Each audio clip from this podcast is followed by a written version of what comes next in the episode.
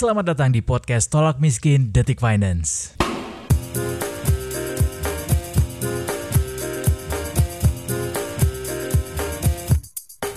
Selamat datang kembali di podcast Tolak Miskin Detikers bersama saya Eduardo Simorangkir. Harga sepeda Brompton nih lagi jadi sorotan Detikers gara-gara harganya di pasar sedang turun.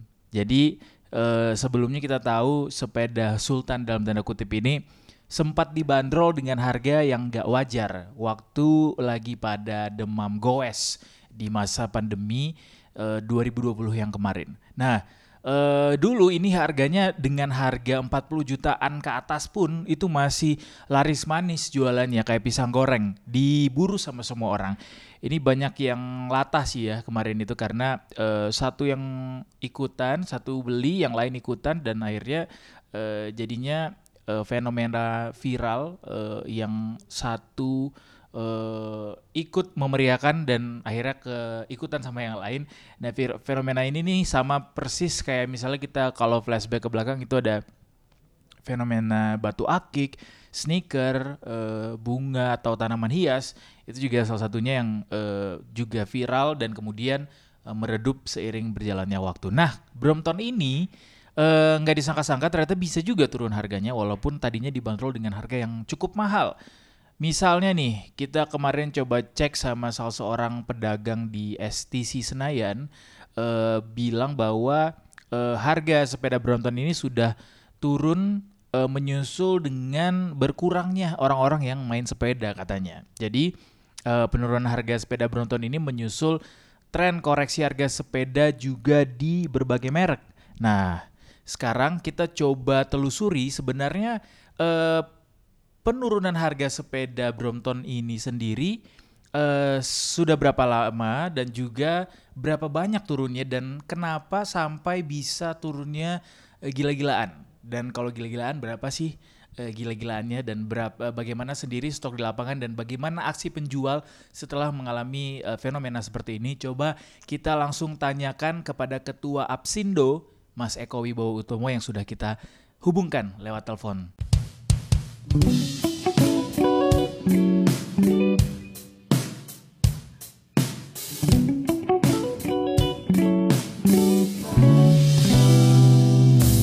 Halo, selamat siang ya. Mas Eko. Ya. Uh, Mas Eko, harga sepeda Brompton kan lagi disorot nih sama banyak media karena memang uh, terlihat ter, ter ditemukan uh, harganya di beberapa penjual. Kita masih sebutnya di beberapa penjual. Di beberapa penjual mengalami penurunan. Penurunannya juga cukup tajam dan lumayan bikin kita surprise sebenarnya karena sebelumnya dengan harga uh, fantastis kita bisa bilang harga 40 jutaan ke atas itu jualan sepeda Brompton kayak jualan pisang goreng mas laris manis. Tapi sekarang kita yeah. temukan masih di masa pandemi, di masa orang-orang juga uh, di masa pada saat Brompton juga uh, sedang hitsnya pada saat itu karena tren bersepeda meningkat dan saat ini ternyata uh, sudah keburu memudar katanya tren bersepeda. Benarkah seperti itu? Uh, sebenarnya kalau kita bis kalau masih kau lihat di lapangan atau pe, apa uh, laporan dari teman-teman pengusaha lainnya, teman-teman pedagang lainnya harga Brompton ini merata nggak sih Mas uh, penurunannya di semua daerah di Indonesia atau cuma di Jakarta aja atau seperti apa Mas Eko? Ya, pertama karena Jakarta pasar paling besar ya buat uh, sepeda ya, khususnya mm -hmm. untuk sepeda N. Jadi Jakarta sebagai tolak ukur penjualan sepeda gitu ya, uh, dan distributor yang terbanyak itu kan di Jakarta ya, hmm. yang paling banyak contohnya. Jadi makanya jadi ukuran adalah Jakarta sebagai tolak ukurnya. Okay. Nah, kalau lihat dari uh, harga sekarang, memang harga itu terjadi penurunan. Penurunan pertama kita bicara ada dua bagian nih. Satu bagian uh, penurunan harga normal, harga realistis atau harga real distributor lah.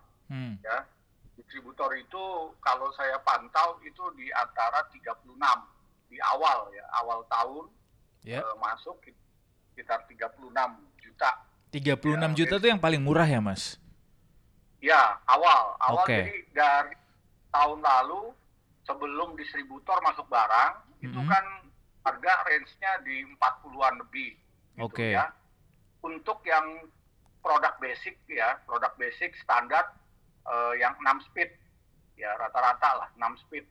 Jadi produk basic itu ya dengan aksesoris standar lah itu eh, termurah segitu. Memang ada series yang murah dari di siapa namanya eh, produknya eh, apa Brompton itu seri Mhm. B75 tapi itu bukan jadi patokan karena itu ya memang seri entry levelnya di Brompton untuk masuk ke pasar untuk konsumen yang cari murah tapi Oke. untuk seri biasa itu kan eh, standar ya itu Hmm. standarnya adalah 36 untuk 36 enam speed juta ya. Mhm, Oke. ya enam speed yang dulunya tuh 40 45 lah range-nya Oke. gitu.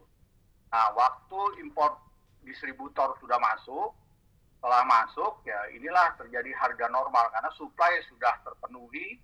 Nah, tetapi kan terjadi problem adalah pasarnya nggak cukup sesuai dengan ekspektasi dari di distributor. Mhm. Apa itu Ah. maksudnya Mas? Pasar tidak sesuai dengan ekspektasi. Ya, demand-nya nggak nggak sesuai seperti tahun lalu, harapan tahun lalu.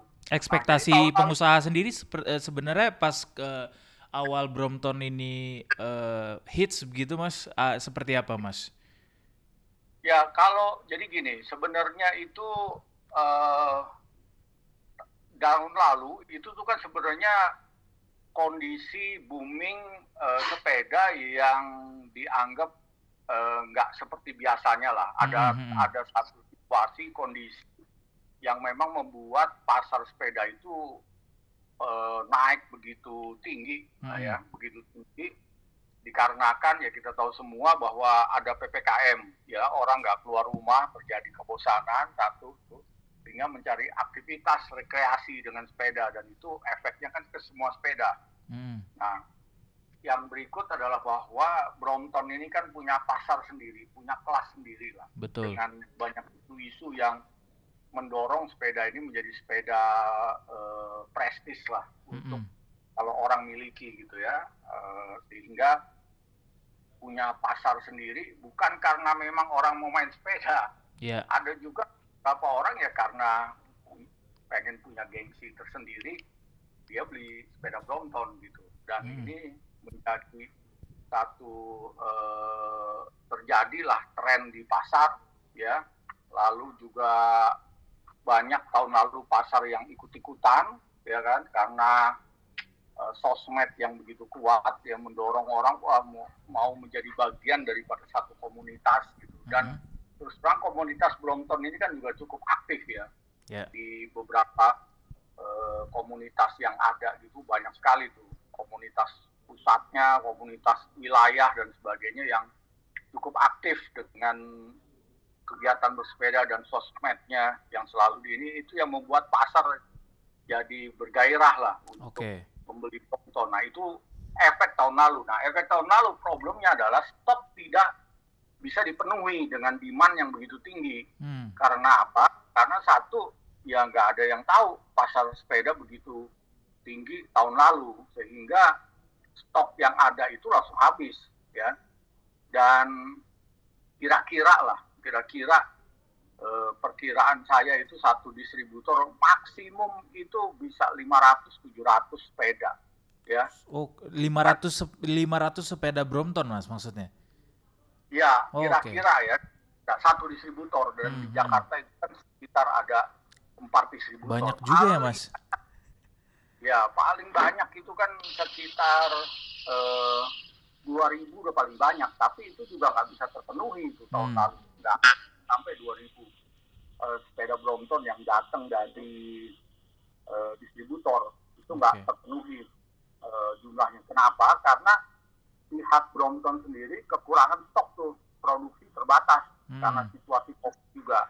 Nah intinya Pak supply yang memang benar-benar untuk barang Indonesia itu tersendat. Ya, Di luar di luar ekspektasi mereka juga berarti ya Mas, di luar dari Iya, ekspektasi ekspektasi. produsen juga ya. ya di luar ekspektasi lah. Jadi eh, supply itu tersendat.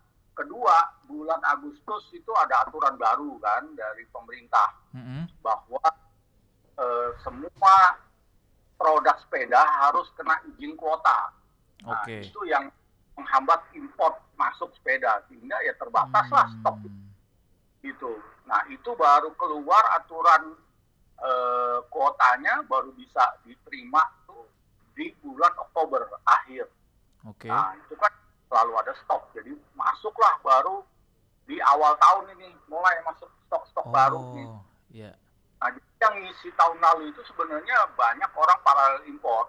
Paralel import itu Hmm. siapa? Ya orang beli dari negara-negara luar, ya Eropa lah, Singapura dan sebagainya yang ada stok, dibawalah mereka hand carry ke sini, dijual lah gitu. Karena Hmm. permintaan tinggi, buka harga 45 laku, wah rame lah semua. Karena kan iya. dianggap masih kan harga kira-kira lah ya, harga Brompton itu yang standar sekitar 1.300 euro.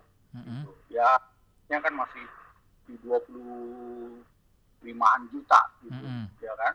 5 jutaan. Nah, itu kan masih dihitung masih ada margin lah dihitung biaya kirim dan sebagainya gitu. Nah, itulah eh, tingginya permintaan dan harganya melonjak tahun lalu. Nah, masuk tahun ini ya terjadilah penyesuaian harga karena distributor sudah bisa eh, masuk barang dengan supply yang stabil dari Bromptonnya, tapi pasar kan eh, Keburu loyo. tahun turun gitu ya, turun ya karena euforianya udah selesai. Euforia udah selesai ya. Tapi Jadi, pengusaha memprediksi nggak mas bahwa euforia ini akan selesai di awal tahun begitu atau di tahun 2021 begitu atau memang tidak sesuai ekspektasi? kita masih harap ya andai kata turun ya kita nggak turun sejauh ini sih kita Oke. masih berharap cukup masih ada eh, pasar yang masih bisa diharapkan lah Gambaran tahun turunnya ini se- seberapa besar mas? Seberapa dalam? Bisa dijelaskan mungkin dari angka misalnya sebulan teman-teman pengusaha bisa jualnya cuma dua mungkin dari yang tadinya puluhan atau gimana? Eh, saya sih nggak cek ya angka itu, tapi saya melihat cuma dari penurunan, eh, saya ngelihat dari stok lah, stok dari setiap eh, teman-teman jual itu tuh ya masih cukup lumayan banyak gitu ya. Mungkin angka Hmm. itu lebih aku tanya nanti ke toko beberapa toko.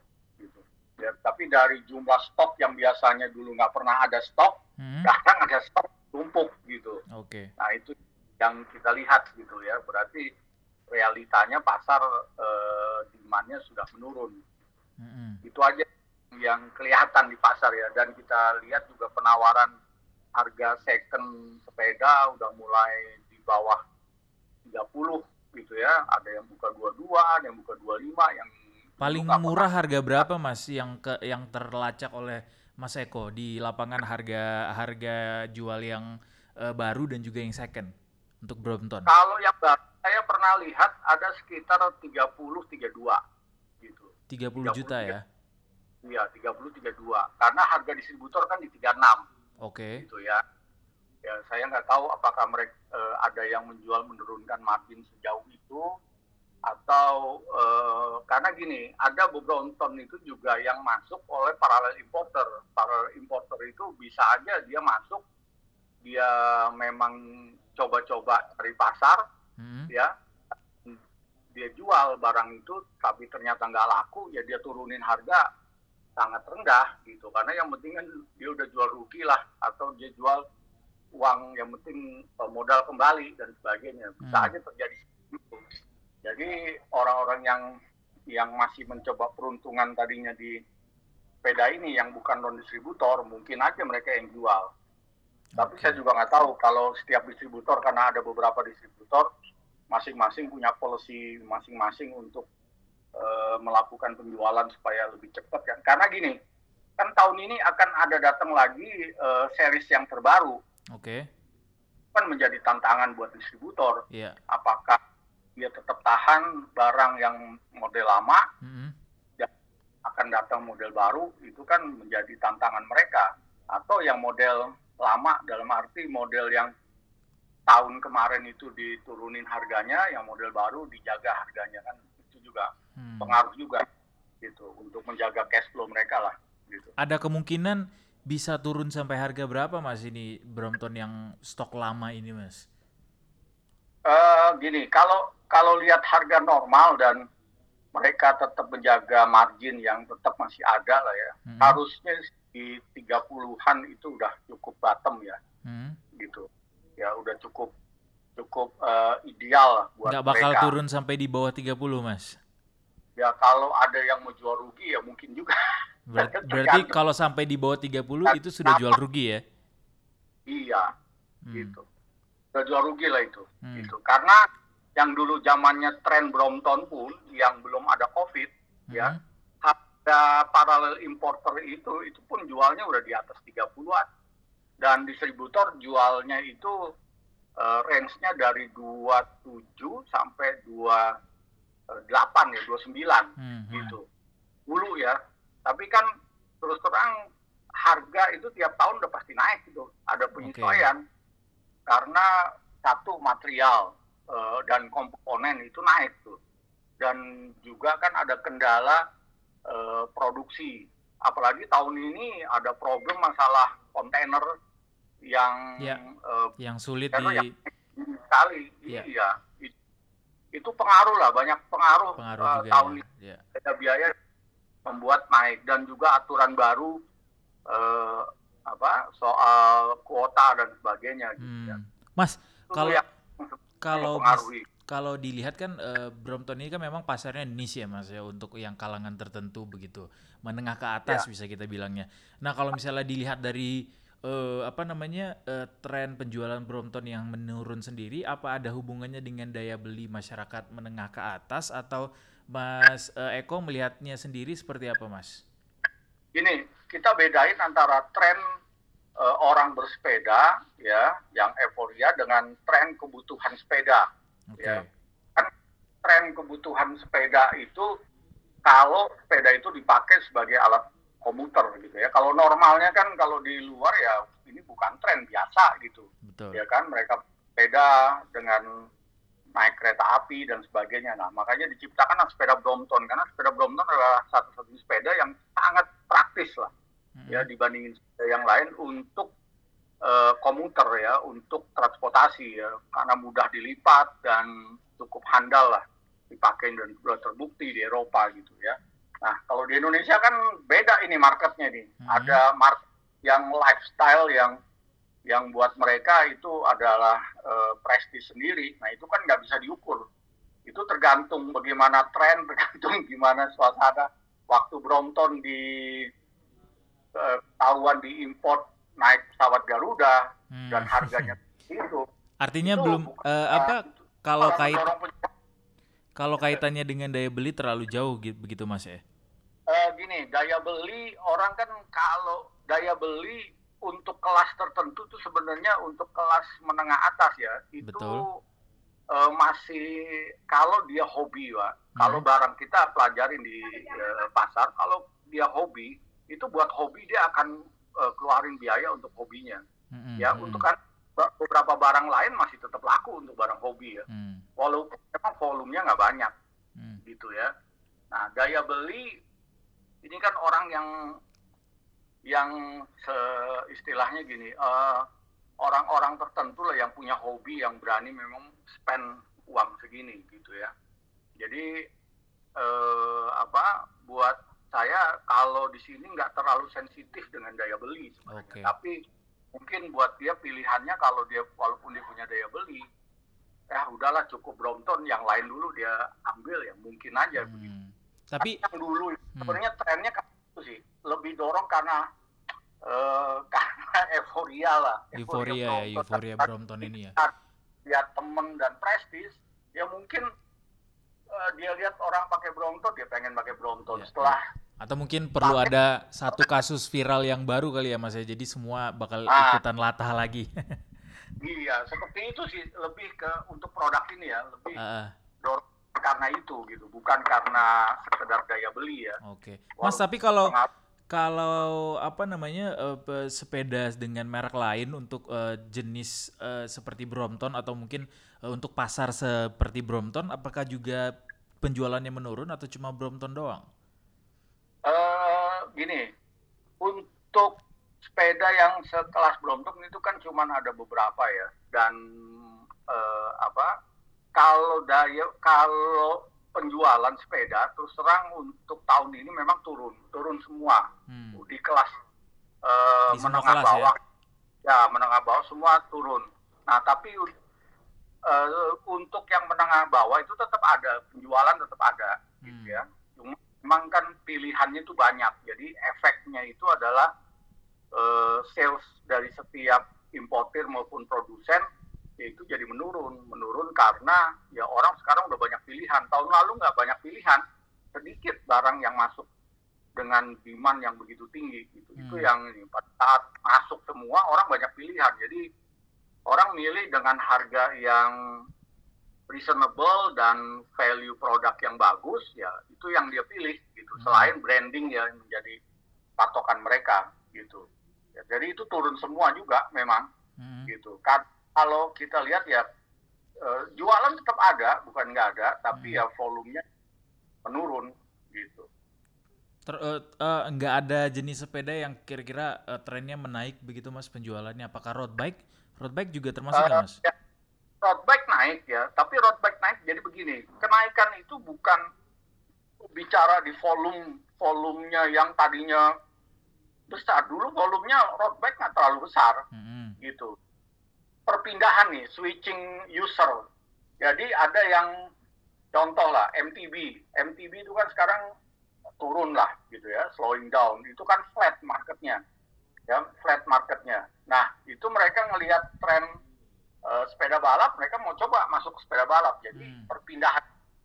Terus fiksi anak-anak muda yang biasa main fiksi, yang ngelihat sepeda balap, suka kebut-kebutan, pindah ke sepeda balap, yeah. kebut-kebutan jadi ada perpindahan gitu dan terus exposure uh, sosmed yang cukup kuat tentang orang main sepeda, artis juga dan sebagainya pindah gitu. Jadi uh, ada newcomer gitu, tapi ada juga uh, switching user gitu dari yang sepeda uh, lipat khususnya kayak Brompton. Ada pemain Brompton pindah ke sepeda balap gitu teman-temannya main sepeda balap ikut-ikutan main sepeda balap yeah, yeah. gitu itu kenaikannya bukan bukan kenaikan kayak Brompton ini itu kenaikan memang karena dulu marketnya kecil mm -hmm. ya dulu kecil lah kita nggak selalu lihat lah sepeda balap sekarang jadi tren dan itu ngikut gitu jadi volumenya gede dari dulu kecil sekarang jadi banyak gitu banyak pemainnya gitu dan banyak juga ya memang pemain lama yang main di sepeda biasa main ke balap gitu coba-coba. Oke oke. Jadi perpindahan tren begitu ya mas? Iya gitu. Oke. Yang kayak sepeda MTB dia nyoba ke road bike maupun ke gravel hmm. gitu. Oke oke. Mas Eko kalau misalnya nih buat mereka yang apa namanya uh, saat ini mungkin kepikiran apakah beli sepeda Brompton sekarang aja atau nunggu harganya turun lagi. Kalau dari Mas Eko sendiri sebagai pengamat sepeda juga uh, ini adalah saat yang tepat untuk beli sepeda Brompton dengan harga segini atau kita tunggu yang baru aja atau gimana Mas Eko? Ya, jadi gini, uh, pinternya Brompton itu kan dia uh, membuat beberapa warna yang uh, limited ya, mm-hmm. ya limited gitu. Jadi tahun ini keluar warna ini, tahun ini, tahun lalu keluar beberapa warna. Ya ada yang warna basic, tapi ada yang warna terbatas ya terbatas. Nah itu tergantung interest nih. Nah kalau buat saya sih, buat buat pemain baru hmm. ya beli yang second lah karena second itu dari reasonable banget lah itu harganya. Second tuh best deal sekarang ya mas ya? Wah best deal banget lah. Dulu ini kan zamannya pertama kali Brompton harga harga dulu Brompton itu kan sekitar 25, hmm. 27 gitu ya. Harga-harga second itu kan di 20-an, hmm. di 20 kurang dikit, ada yang sampai 17, 18 juta ada gitu. Hmm. Nah, itu bagus gitu ya karena sepeda ini cukup kuat lah. Sepeda ini cukup bagus. Se uh, kalau secondnya harganya sekarang di kisaran berapa, Mas? Uh, ada yang udah buka sampai 20-an, Mbak. Gitu.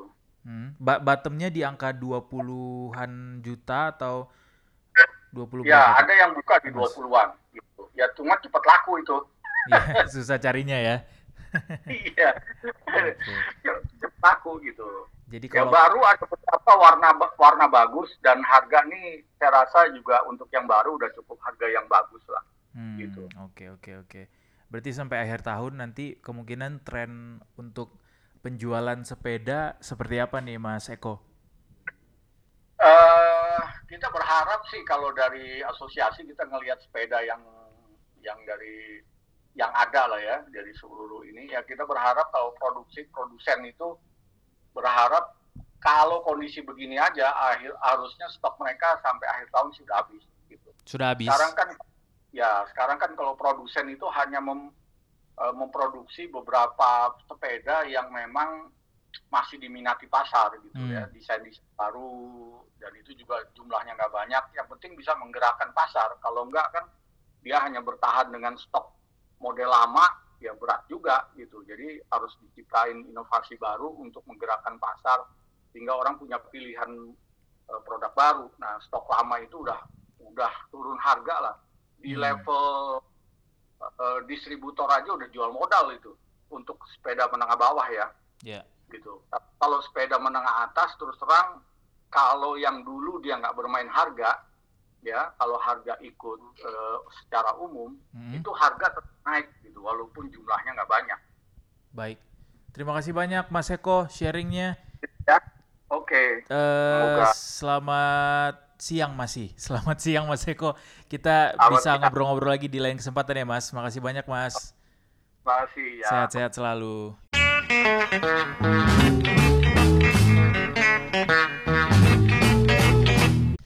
Jadi gitu ya Detikers ya. Buat Anda yang mungkin saat ini eh, kepikiran untuk bisa punya Brompton yang tuh tadinya harganya mungkin sudah terlalu jauh untuk tercapai atau untuk tergapai dengan kantong isi kantong Anda, saat ini sepertinya adalah saat yang tepat kalau memang mau beli Brompton Detikers karena harganya eh, turun cukup jauh. Tadi seperti yang dikatakan sama Mas Eko buat yang mau beli belinya second aja karena itu best deal katanya saat ini. Harganya di kisaran 20 jutaan. Coba mungkin bisa dicek langsung. Apakah ketemu nanti harganya yang 20 jutaan? Kalau dapat bisa langsung disikat kalau memang gemar dengan sepeda jenis seperti Brompton.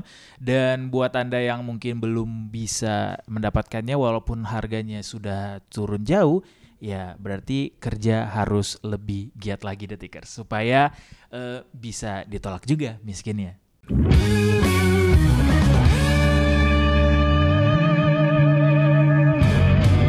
Jangan lupa dengerin podcast-podcast Detik Finance berikutnya di podcast Tolak Miskin. Detikcom.